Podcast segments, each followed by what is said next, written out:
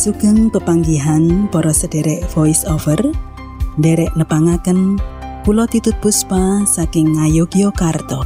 Hai hai hai para voice over dan yang sedang interest di bidang voice over semuanya. Perkenalkan, saya Titut Puspa dari kota Yogyakarta. Kali ini saya diminta oleh Mas Admin untuk menjadi narasumber Q&A minggu ini. Jadi, uh, Ati itu udah, udah, udah jadi apa namanya tuh? Udah, udah jadi Vice Alvel itu hmm, udah 12 tahun. Well, untuk acara Q&A kita kali ini, saya tunggu pertanyaan dari teman-teman semuanya. Hmm, uh, no, no, no, no. Bukan seperti itu. Jadi lebih kepada saya akan berusaha menjawab rasa penasaran teman-teman karena di sini saya akan mencoba men-sharingkan pengalaman saya selama ini. Uh, kalau menggunakan kalimat menjawab pertanyaan kok rasanya seperti um, bahwa saya itu tahu lebih banyak.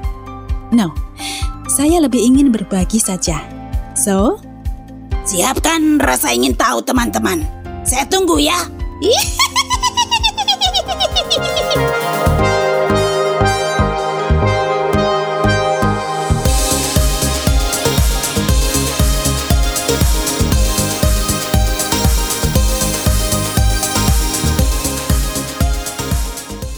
Halo, selamat malam Arista Wardani dari Kalimantan Voice Over. Terima kasih ya untuk partisipasinya dalam acara Q&A pada malam hari ini. Salam sehat selalu juga dari saya. Pertama-tama Arista menanyakan tentang tone suara. Baik, tone of voice atau nada suara itu mengacu pada cara seseorang berbicara kepada orang lain. Jadi bagaimana Arista terdengar ketika Arista mengucapkan kata-kata. Itu adalah tone. Terlepas dari namanya, nada suara bukan hanya tentang bagaimana Anda berbicara, tapi ini juga menyangkut konten. Konten yang dituju apakah itu informal, formal, ataukah untuk corporate. Sedangkan kalau dihubungkan dengan voice character yang selama ini saya uh, lakoni itu uh, dengan adanya nada suara atau tone yang benar itu nanti pendengar akan bisa menangkap karakter suara yang saya perankan apakah dia itu seorang yang bijaksana ataukah emosional dan sebagainya. Oke? Okay? Kemudian pertanyaan kedua. Maksud suara kita stabil enggaknya itu dilihat dari mana ya kak? Uh, jadi stabil dan tidaknya itu ya, itu lebih mengarah ke konsisten atau tidak konsistennya uh, seorang voice over itu membawakan naskah ya. Jadi uh, perubahan tone, perubahan emosi, perubahan speed seperti itu itulah yang apa namanya yang uh, menunjukkan stabil ataupun tidaknya. Tapi akan lebih mudah itu apabila uh, saya berikan contohnya ya. Misalnya saya uh, membawakan sebuah narasi cerita horor. Untuk memberikan hati kepada sepasang buaya itu, mereka yang akan mengadakan upacara pesta mengirimkan suatu rakit. Di atas rakit diletakkan sesaji upacara berupa seekor ayam atau itik dengan pembakaran kemenyan ke tempat kiai dan nyai buaya yang setiap hari menampakkan diri di atas air. Coba bedakan dengan untuk memberikan hati kepada sepasang buaya itu mereka akan mengadakan suatu upacara pesta, mengirimkan suatu rakit. Di atas rakit diletakkan sesaji upacara berupa seekor ayam atau itik dengan pembakaran kemenyan ke tempat kiai dan nyai buaya yang setiap hari menampakkan diri di atas air. Nah, menurut Arista ini stabil atau tidak? Oke, kita kemudian melanjutkan untuk pertanyaan nomor tiga. Kalau untuk pembacaan naskah cerita atau dongeng itu lebih baik kita datar aja atau kita banyakin nada naik turunnya kak? Untuk naskah cerita lebih baik bagaimana ya kak? Baik. Yang sedang-sedang saja. Jadi, terlalu banyak naik turun juga tidak baik datar-datar saja juga maka nantinya apa namanya akan terasa monoton ya karena datar dan membosankan itu jadi uh, silakan Arista berlatih membaca naskah walaupun naskah itu bukan yang disukai oleh Arista baca naskah-naskah yang sama sekali tidak disukai kemudian berlatihlah uh, cara pengucapannya pelafalannya, artikulasinya, kemudian juga intonasinya. Nah, setelah membaca dan kamu yakin ketika sudah mendapatkan apa namanya hasil dari latihan yang terbaik, coba direkam. Nah, setelah direkam, coba dengarkan kembali. Pasti Arista akan menemukan di mana titik-titik yang kurang enak di mana uh, intonasi yang tidak pas, kamu pasti akan mendapatkannya. Kemudian pertanyaan yang keempat, untuk seorang daber sendiri itu bagaimana kak langkah awal kita untuk bisa ikutan casting atau coba dubbing? Biar bisa nyari pengalaman. Oke, pertama-tama apabila apa namanya ada audisi maka silahkan Arisa mengikuti audisi sesering mungkin ya.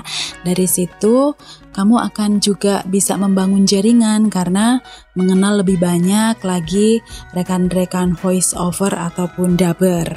Dan dari situ uh, Arista bisa mendapatkan informasi di mana kira-kira uh, akan ada audisi lagi diadakan.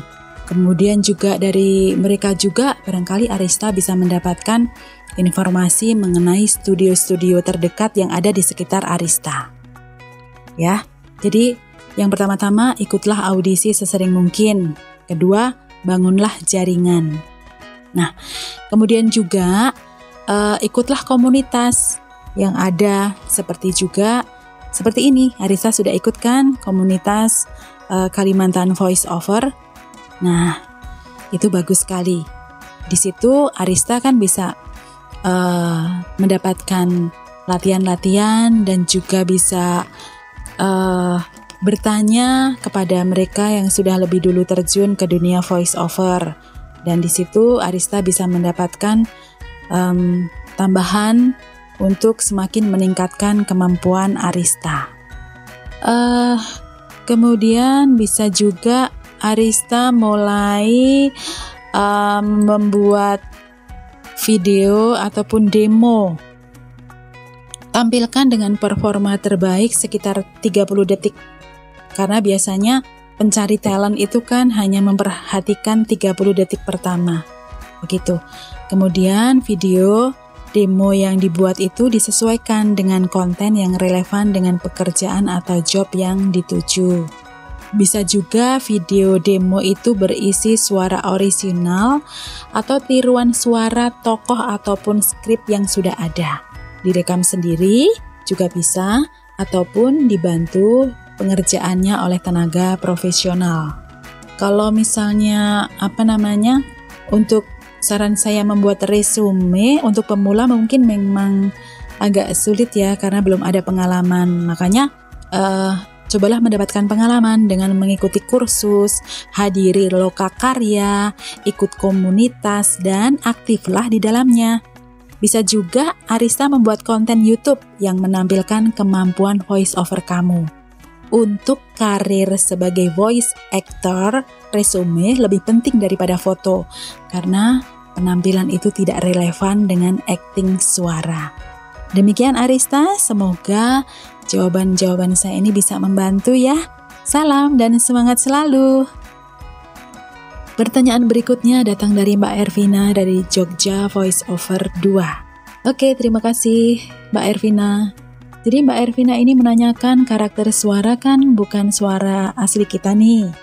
Uh, bagaimana tips supaya bisa mengingat-ingat teknik menghasilkan suara yang digunakan untuk masing-masing tokoh agar tidak tertukar?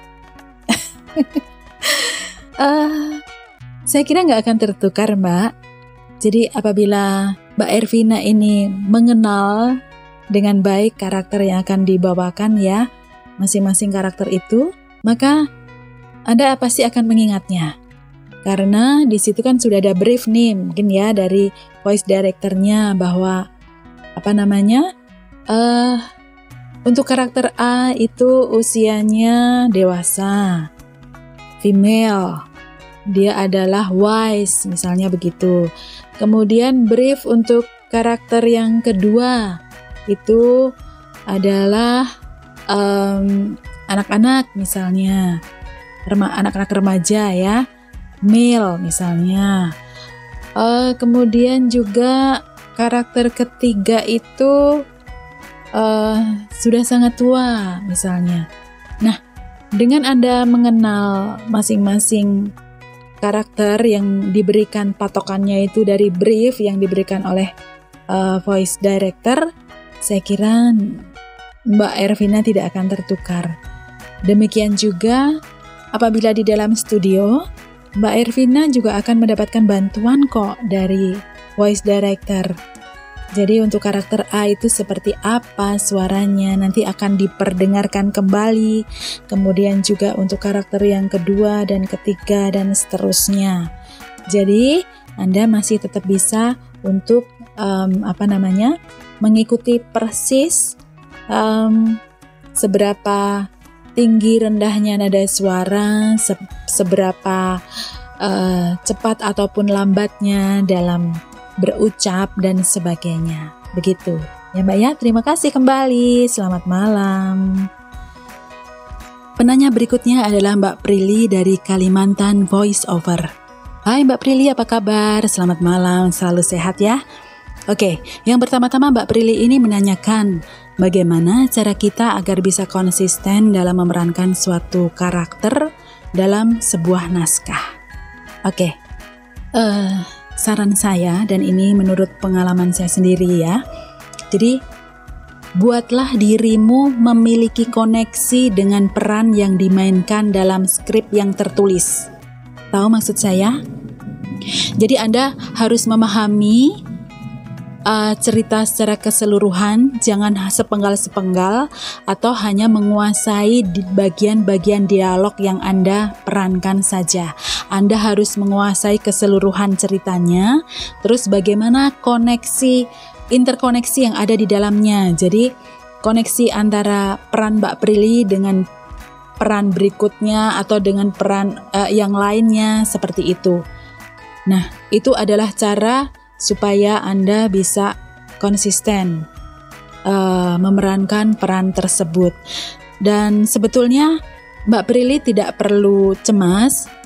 Um, kalau misalnya Anda lupa bagaimana ya tadi suaranya, seberapa tinggi ya nadanya, atau seperti apa sih tonnya, uh, speednya itu seberapa? Seperti itu. Kalau pengalaman saya, waktu saya rekaman di Indo Voice Over, uh, mereka kan sudah merekam, sudah merekam, sudah menyimpan karakter yang saya perankan. Jadi, semisal nih ya, kemudian saya tiba-tiba blank, saya akan minta tolong untuk voice director ataupun yang sedang memegang instrumen di situ di studio untuk uh, memutar kembali Nah, dari situ saya cukup mendengarkan, kemudian saya akan bisa memahami seberapa tinggi rendahnya nada ya, kemudian uh, seberapa speednya, seberapa kedalamannya dan sebagainya. Jadi tidak akan lupa. Pertanyaan kedua, bagaimana cara memilih peran yang pas buat kita? Uh, seperti saya, saya sendiri mungkin ya merasa pas dengan peran saya menjadi seorang ibu karena uh, saya merasa apa namanya uh, suara saya itu memang pas untuk uh, berperan menjadi ibu-ibu yang yang sabar, yang bijaksana dan sebagainya. Tapi kita jangan hanya menutup diri pada uh, seberapa pas sih suara saya gitu kan. Kalau Anda ingin mencari sebenarnya saya itu pasnya berperan sebagai apa gitu makanya memang anda harus mengenal keunikan karakter, kekhasan karakter suara Anda itu memang pas untuk berperan menjadi apa. Tapi kalau Anda terpaku uh, hanya pada peran yang aman buat Anda, itu tidak akan membuat kita menjadi maju dan apa namanya lapangan suara kita akan terbatas kalau Anda hanya membatasi pada uh, pasnya suara kita berperan sebagai apa. Itu saran saya Mbak Prilly. Oke, selamat berlatih terus ya. Tetap semangat dan selalu jaga kesehatan. Terima kasih. Halo, selamat malam Mbak Paskalia dari grup Jogja Voice Over 2. Bapak sekalian ini ingin diberikan contoh suara saya dalam peran karakter animasi dan games. Nah, ini yang jadi masalahnya Bapak sekalian. Uh, di awal-awal dulu, saya itu tidak punya kesadaran untuk mengumpulkan semacam portofolio. Jadi, uh, saya tidak menyimpan. Um, demikian juga untuk Clash of Clan yang saya pernah main di situ tujuh karakter suara, saya juga belum memiliki kopinya. Kemudian ada lagi film dari China, juga animasi uh, dari Kopernik. Itu yang saya punya adalah yang lagu Sadekang Sakukang untuk UNICEF. Uh, yang bisa saya berikan itu hanya sampel-sampel voice saya yang saya kirimkan untuk game Dynasty Defense Kemudian juga untuk World of Legend. Saya mohon maaf ya karena saya tidak mengumpulkan uh, kopi hasilnya juga. Jadi hanya itu yang bisa saya berikan sebagai contoh. Terima kasih Bapak sekalian. Pertanyaan berikutnya datang dari Mbak Ayu dari Surabaya Voice Over. Wow. Terima kasih ya Mbak Ayu untuk partisipasinya pada malam hari ini. Uh, Mbak Ayu ini menanyakan, awalnya bagaimana mencoba menciptakan karakter baru dari suara ibu, karakter batu atau ini mungkin typo ya, karakter baru mungkin ya. Oke, okay. Karakter baru dari suara saya. Dengan cara menirukan Mbak. Jadi apa namanya? Tentu saja saya tidak menciptakan sendiri karakter baru ya yang tiba-tiba entah datang dari mana suaranya seperti apa. Itu malah saya jadi nggak bisa membayangkan nih seperti apa nih suaranya nanti terdengar ya kan? Jadi biasanya saya uh, menirukan belajarnya itu dulu awal-awalnya dari menirukan. Menirukan suara apa aja bahkan suara bayi menangis. Ba anak balita merengek kayak gitu. Nenek-nenek ompong ngomong dan sebagainya kayak gitu. Itu uh, akhirnya saya bisa apa namanya lebih mudah ketika saya mendapatkan um, peran untuk membawakan karakter tersebut. Saya tinggal uh, membuka ingatan saya, kemudian saya sampaikan kepada uh, yang memberikan naskah, begitu. Yang kedua, apakah itu tuntutan dari klien atau ibu sendiri yang berinisiatif? Hmm. Selama ini uh, tentu saja itu adalah permintaan ya, permintaan dari klien atau permintaan dari naskah itu sendiri. Jadi naskah itu um, kan sudah ada briefnya nih. Jadi ada pedomannya bahwa ini karakter ini tuh adalah seorang kambing betina misalnya begitu ya. Nah, saya tinggal uh, membuka seperti membuka imajinasi saya. Seperti apa sih kambing itu? suaranya seperti apa ya jadi kambing itu kan nggak mungkin ber apa namanya bersuara mo gitu kan ya pasti kan meh gitu kan ya ini kambing betina kemalaman ini Nah, seperti itu Mbak. Jadi uh, kalau inisiatif itu biasanya muncul ketika ketika saya dihadapkan pada naskah sandiwara radio mungkin ya. Tapi kan di situ sudah ada apa namanya? Sudah ada pedomannya bahwa uh, karakter yang akan saya bawakan ini adalah seorang ibu usia uh, pertengahan baya gitu, sakit-sakitan dan sebagainya. Nah, itu saya tinggal apa namanya menyesuaikan saja dengan tuntutan dari naskah itu. Kemudian yang ketiga, trik-trik untuk bisa konsisten dengan semua karakter itu bagaimana ya Bu? Kok tadi dengar suara ibu yang pas akhir mirip sekali loh sama Doraemon sebelum akhirnya jadi mak lampir. oh, oh begitu ya. Trik-trik untuk bisa konsisten. Nah, itu adalah dengan berlatih, Mbak latihan terus menerus berlatih berlatih berlatih baik itu membaca apa pun bahkan kadang juga saya itu kalau membaca apa namanya uh, bahkan berita berita di koran itu ya kemudian kan di dalam suatu berita itu ada ada petikan apa namanya kalimat bahwa ini adalah disampaikan oleh misalnya Presiden Jokowi misalnya nah saya baca narasinya, kemudian saya tirukan kira-kira seperti apa sih juara Jokowi itu begitu. Jadi saya itu saya tirukan, saya mainkan gitu. Ya seperti itulah Mbak. Jadi uh, kalau padahal awalnya tadi ini loh, saya yang terakhir itu nggak nggak nggak ingin seperti Doraemon, pengen menjadi seperti nenek-nenek sihir. Tapi munculnya Doraemon ya, ya ya seperti itulah Mbak. Jadi apa? Um, untuk bisa konsisten dengan semua karakter itu ya dengan berlatih terus-menerus dengan latihan dengan menirukan suara apa pun gitu ya uh, dengan uh, seperti yang tadi saya sampaikan kepada Mbak Arbi Danila ya kalau nggak salah ya tadi jadi apa belajar dari banyak voice yang ada di sekitar kita lah produksi-produksi voice yang ada baik itu dari uh, siaran radio, sandiwara radio, kemudian juga um, siaran di televisi, iklan di televisi, juga film-film animasi, bahkan drama-drama Korea. Itu juga kita bisa belajar karakter-karakter suara dari sana. Oke? Okay? Terima kasih Mbak Ayu dari Surabaya. Selamat berlatih ya. Jangan patah semangat terus explore kemampuan suara Anda. Dan terima kasih. Selamat malam. Sehat selalu ya. Berikutnya dari Mas Yogi Ananda dari grup Voice Over Kalimantan.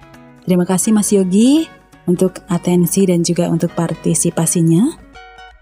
Pertama-tama Mas Yogi menanyakan bagaimana caranya mendapatkan pekerjaan menjadi seorang daber di saat banyak saingan. Oke. Seperti pernah saya sampaikan beberapa hari lalu pada acara Instagram Live bersama dengan Indo Voice Over, memang kita sudah mem mem memasuki masa itu, terutama di masa pandemi pada saat ini, di mana saatnya industri kreatif naik daun. Maka voice over talent akan dimintai kontribusinya yang lebih Bahkan sepertinya industri kreatif ini akan menggeser industri lain karena banyak terpusat pada dunia digital dan ke depan akan banyak talent yang akan berebut di tempatnya, di tempat di masa depan. Uh, satu-satunya cara adalah menurut saya nih ya, tingkatkanlah kemampuan voice over Anda. Semua orang memang bisa menjadi voice over ataupun dubber. Tapi uh, apabila kita memiliki atau kita menggali kemampuan kita sampai di mana kita bisa menemukan karakter suara yang khas, yang unik, saya kira Anda pasti akan mendapatkan salah satu tempat di dunia itu. Kemudian yang tak kalah pentingnya adalah jangan kudet. Jadi selalulah update kabar terbaru. Kenali minat dan kebutuhan audiens. Mungkin itu yang bisa sarankan, Mas. Pertanyaan yang kedua, Mas Yogi menanyakan, apakah Mas Yogi harus mencari pekerjaan dubbing dengan menunggu direkrut atau harus melamar langsung ke studio yang bersangkutan? Pertama-tama, jelas menunggu itu bukan suatu apa namanya? hal yang patut untuk dilakukan. Anda harus maju. Anda harus merebut lebih dulu, Anda harus tampil lebih dulu, begitu. Jangan menunggu. Karena menunggu itu uh, tidak jelas kapan nanti kita akan dapatkan gitu ya. Jadi kita harus maju. Harus meraih kesempatan. Saran saya uh, beberapa tips nih yang mungkin bisa untuk menjadi pegangan cara memasarkan diri Mas Yogi ya. Jadi pertama-tama silahkan Mas Yogi membuat video demo ya. Jadi seperti sudah saya sampaikan untuk Mbak Arista kalau nggak salah tadi ya itu di situ uh, bikin video demo berisi suara original atau tiruan suara. Kemudian juga buatlah resume. Cobalah mendapatkan pengalaman, ikuti kursus, hadiri loka karya, ikut komunitas dan harus aktif di dalamnya.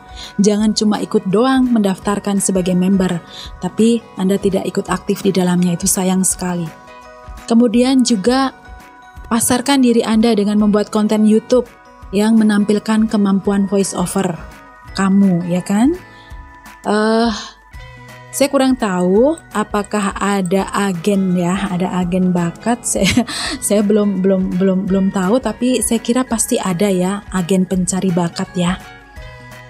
Kemudian juga uh, silahkan Mas Yogi mencari dan kirimkan demo dan resume ke studio terdekat. Itu mungkin juga bisa menjadi jalan, jadi bukannya menunggu. Kemudian juga coba susun portofolio secara daring karena kehadiran yang kuat di dunia maya itu juga itu juga dapat membantu karirmu. Ikutilah audisi sesering mungkin. Cari pasti banyaklah audisi-audisi ya atau challenge-challenge ya atau perlombaan-perlombaan. Uh, Memang persaingan itu akan sangat ketat.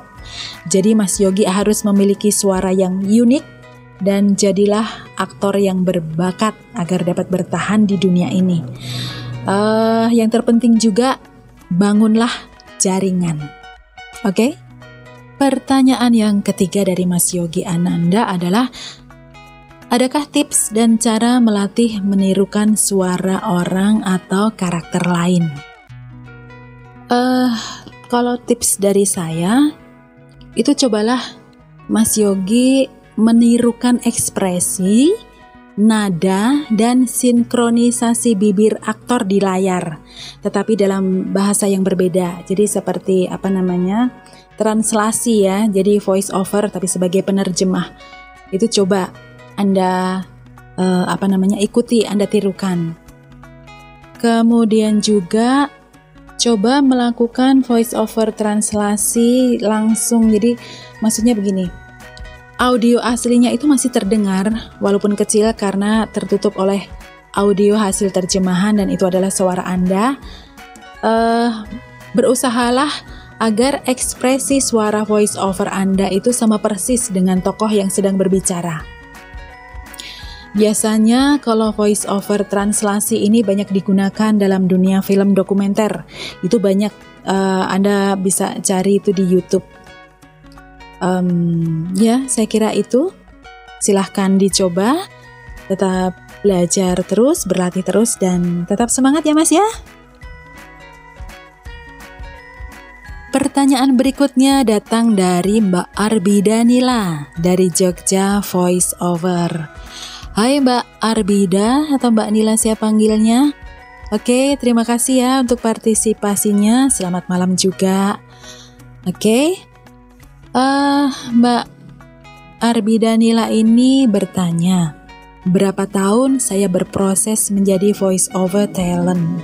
Well, um, saya kira-kira sudah 12 tahun lamanya menjadi voice over talent Um, kemudian kendalanya apa saja saat baru menjadi voice over talent? Pertama-tama tentu uh, rasanya itu gugup ya. Jadi pertama kali rekaman itu pasti ada rasa gugup, ada rasa takut, ada rasa khawatir. Itu karena kita belum terbiasa kan. Jadi kita masih uh pikirannya ke mana-mana. Bagaimana ya nanti suara saya? Aduh, bagaimana nih?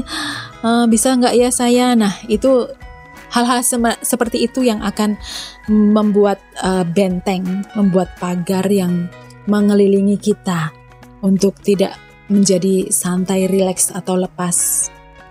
Uh, dan puji Tuhan ya, itu makanya di studio-studio itu biasanya uh, teman-teman di studio itu orangnya baik-baik ya, humble-humble gitu. Dan apa namanya? Uh, mereka bisa mencairkan suasana hati saya yang lagi galau. Itu akan membantu sekali sehingga saya menjadi lebih rileks dan lebih santai untuk kemudian membawakan uh, apa namanya rekaman yang harus saya lakukan. Pertanyaan berikutnya, Latihan apa saja Bu yang dilakukan agar dapat membuat banyak karakter suara? Tentu saja dengan uh, menirukan sebanyak mungkin Mbak. Jadi latihlah, uh, Anda bisa mulai berlatih dengan menirukan suara um, penyiar radio kesayangan kita misalnya. Bagaimana sih gaya dia berbicara gitu kan? Kemudian juga mungkin um, seorang MC mungkin atau pembawa acara dari televisi, Anda bisa belajar dari mereka. Bahkan dari iklan-iklan yang ada di tele yang ada di televisi. Jadi Anda bisa membawakan itu menirukan karakter-karakter suara yang ada di dalam iklan. Bahkan di dalam film animasi pun Anda bisa berlatih dari sana. Tontonlah film-film animasi Kemudian Anda tirukan bagaimana dia bersuara. Seperti itu. Nah, dari situ Anda bisa membuat sebuah voice bank. Jadi banyak karakter suara yang bisa Anda uh, pelajari, kemudian yang bisa Anda ciptakan, bisa Anda tirukan. Nah, kemudian present itu direkam, buatlah sebuah video demo, kemudian di-present ke komunitas atau juga apa namanya? ke akun ak, eh, akun YouTube Anda mungkin atau ke Instagram dan sebagainya. Dari situ uh, voice bank Anda akan dikenal lebih banyak orang. Oke? Okay? Terima kasih ya Mbak Arbina Arbida Nila dari Yogyakarta. Selamat malam. Pertanyaan berikutnya datang dari Mas Fai dari Jogja Voice Over. Terima kasih Mas Fai, selamat malam. Oke, yang pertama-tama, gimana sih cara melatih theater of mind agar kalau ngomong itu kesannya lebih hidup dan tidak terpatok pada naskah? Akan saya jawab satu persatu ya. Ini namanya dengan apa namanya istilahnya itu uh, Anda hendaklah melakukan kontrol editorial. Jadi, um, dengan berlatih membaca berkali-kali sebelum rekaman, dan Mas Fai bisa menambahkan emosi serta semangat, sehingga membuat skrip ini menjadi berbeda. Jadi masukkan ke dalamnya emosi, ya. Uh, anda mendalami karakter, Anda mengenal betul karakter yang akan Anda bawakan. Dengan begitu, anda akan bisa menambahkan emosi ke dalamnya. Tidak akan menjadi apa namanya naskah yang flat, yang monoton. Dan uh, kemudian juga uh, jagalah tata bahasa yang konsisten, benar dan akurat secara teknisnya. Jadi dengan membaca berkali-kali, Mas Wai bisa mengedit bagian mana yang perlu diedit sehingga menjadi lebih lebih apa namanya lebih jelas dan lebih mudah dimengerti audiens. Selama benang merahnya tetap ada di dalam teks itu ya jangan berubah dari uh, makna yang sudah tersedia di dalam teks itu. Demikian. Yang kedua Mas Wai menanyakan kadang saya mencoba ngomong dengan karakter suara lain tapi lama-kelamaan itu jadi nggak konsisten karena tenggorokan sakit Solis solusinya bagaimana, Mam? hmm, baiklah. Uh, jadi, sediakan segelas air hangat di dekat Anda.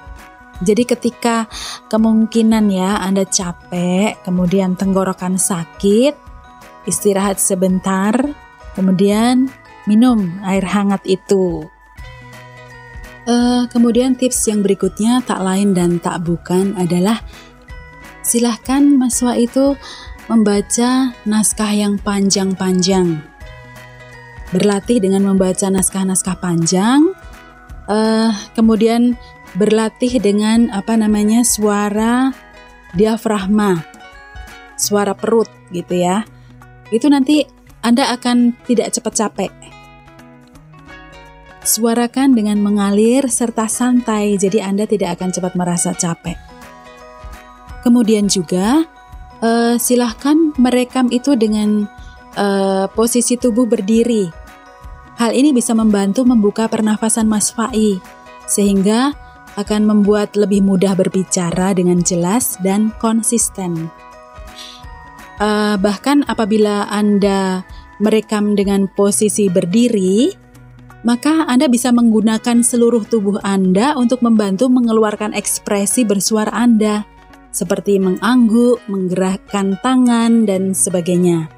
Percaya atau tidak, gerakan ini berdampak loh pada hasil suara yang direkam. Oke? Okay? Pertanyaan Mas Fai berikutnya mengenai intonasi.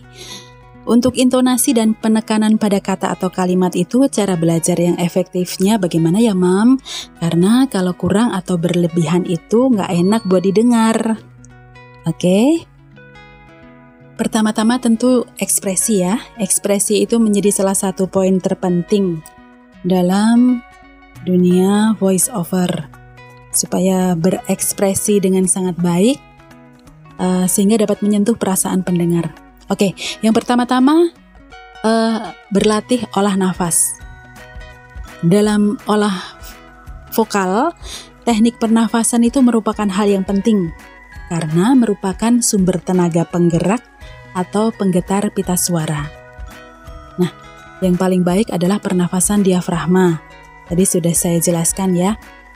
Uh, yang kedua adalah olah vokal, yaitu berupa pengucapan supaya bisa berartikulasi dengan baik, dibutuhkan kelenturan alat-alat pengucapan. Mas Fai bisa melatih speech atau ucapan.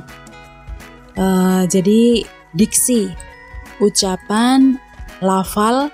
Jadi menentukan suara yang harus dipergunakan itu diksi, lagu, gayanya berkata itu bagaimana caranya memberikan kualitas kejelasan suara dari sebuah kata yang diucapkan uh, coba berlatihnya um, supaya dapat membedakan antara huruf P dan B, uh, T dengan K, K dengan G.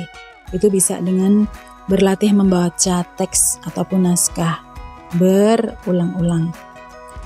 Kemudian juga berlatih artikulasi jadi berlatihlah mengucapkan kata melalui mulut agar uh, apa namanya agar terdengar dengan baik dan benar serta jelas. Yang tidak kalah pentingnya juga adalah um, dengan membaca suatu naskah, Mas Fai bisa berlatih intonasi karena bila dalam suatu dialog tidak ada intonasi kan akan terasa monoton, datar, membosankan dan satu lagi adalah getikulasi adalah suatu cara untuk memenggal kata dan memberikan tekanan pada kata atau kalimat. Nah, uh, yang sering saya sampaikan berulang-ulang dalam acara apa namanya hmm, tanya jawab gitu, uh, Mas Wai lakukanlah reading, kemudian recording dan hearing repeat, diulang lagi. Jadi berlatih, direkam, uh, apa dibacakan, direkam, didengarkan, dibacakan, direkam, didengarkan kembali. Nanti Mas Wai akan mendapatkan bagaimana supaya enaknya dan karena berlatih terus-menerus Anda akan uh, lebih rileks dan tidak akan terjadi misalnya uh, ketidakstabilan, kemudian juga kehilangan suara ataupun menjadi parau atau mungkin juga tenggorokan sakit itu akan berkurang. Oke? Okay? Pertanyaan terakhir dari Mas Wai. Kalau dari pengalaman buat nemuin karakter kalau mau ngisi animasi atau video game itu bagaimana? Uh, apakah apa nih? Imitasi dari karakter animasi lain atau terinspirasi dari mana? Oke, okay, terima kasih. Jadi, akan lebih mudah memang apabila uh, pada saat kita mengas, apa, mengisi suara dubber untuk animasi atau video game itu sudah ada videonya, sudah ada filmnya. Dari situ kita akan melihat kan sosok karakter yang kita bawakan itu seperti apa sih? Apakah dia uh, bertubuh tinggi langsing dengan gerakan yang gemulai ataukah dia boncel pendek gitu kan kemudian cebol gitu ya jadi suaranya mesti bagaimana itu suaranya akan berbeda. Nah, patokan-patokan uh, apa namanya visual yang kita lihat itu akan sangat membantu. Um, jadi menurut uh, kalau saya sendiri pengalaman saya memang lebih sulit ya kalau kita mengisi uh, animasi atau video game tapi yang belum ada uh, tayangan atau belum dibuat visualisasinya secara visualnya itu belum ada. Nah, itu bagaimana caranya? Jadi saya mencoba mengembangkan imajinasi saya.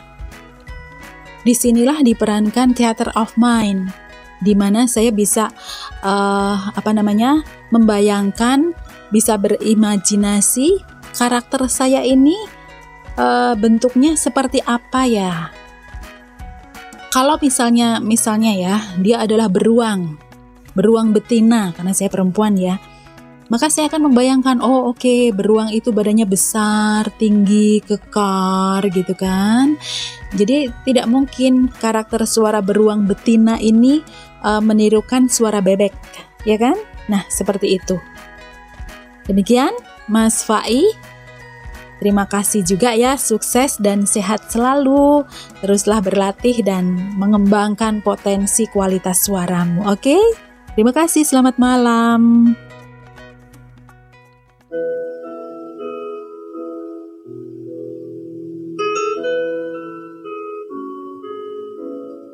Semenjak pandemi ini terjadi, sepertinya ikut pula terjadi dan tercipta loncatan kemajuan dunia digital dan industri kreatif.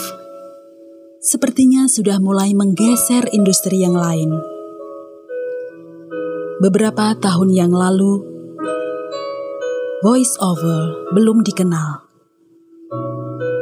tapi coba, lihatlah sekarang. Yang interest di bidang ini pun semakin banyak. Bukan suatu hal yang mustahil akan terjadi perebutan tempat di masa depan bagi para pelaku voice over. Alamlah nanti yang akan menyeleksi siapa yang masih bisa bertahan dan siapa yang akan gugur di tengah jalan. Maka, inilah kesempatan bagi Anda semua, baik yang sudah terjun di dunia voice over maupun mereka yang mencoba peruntungan baru di dunia voice over. Ingat, semua orang bisa menjadi voice over Tinggal bagaimana cara Anda meningkatkan kualitas diri untuk bisa terus eksis di dunia yang cukup menjanjikan secara finansial ini.